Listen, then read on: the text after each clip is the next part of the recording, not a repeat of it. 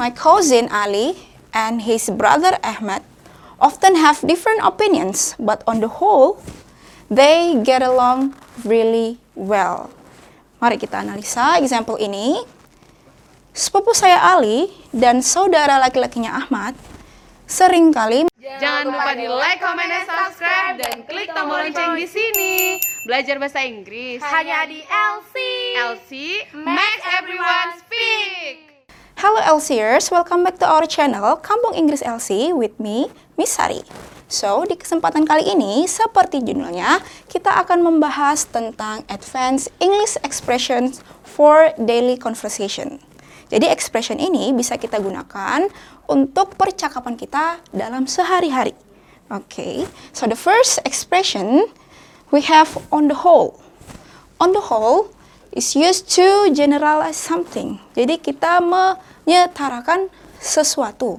Example here, my cousin Ali and his brother Ahmed often have different opinions, but on the whole, they get along really well. Mari kita analisa example ini. Sepupu saya Ali dan saudara laki-lakinya Ahmad sering kali mempunyai opini yang berbeda. Namun, pada akhirnya mereka sangat rukun. Mereka get along really well. Jadi mereka akur seperti itu ya.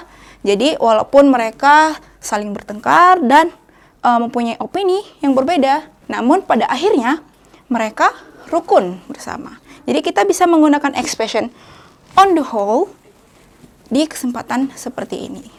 Mari kita lihat example selanjutnya.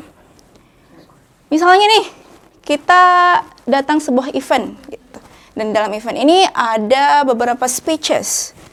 And then your friend asks you, how's the speech? And then you might answer, it's a long speech, but on the whole, it's a great speech.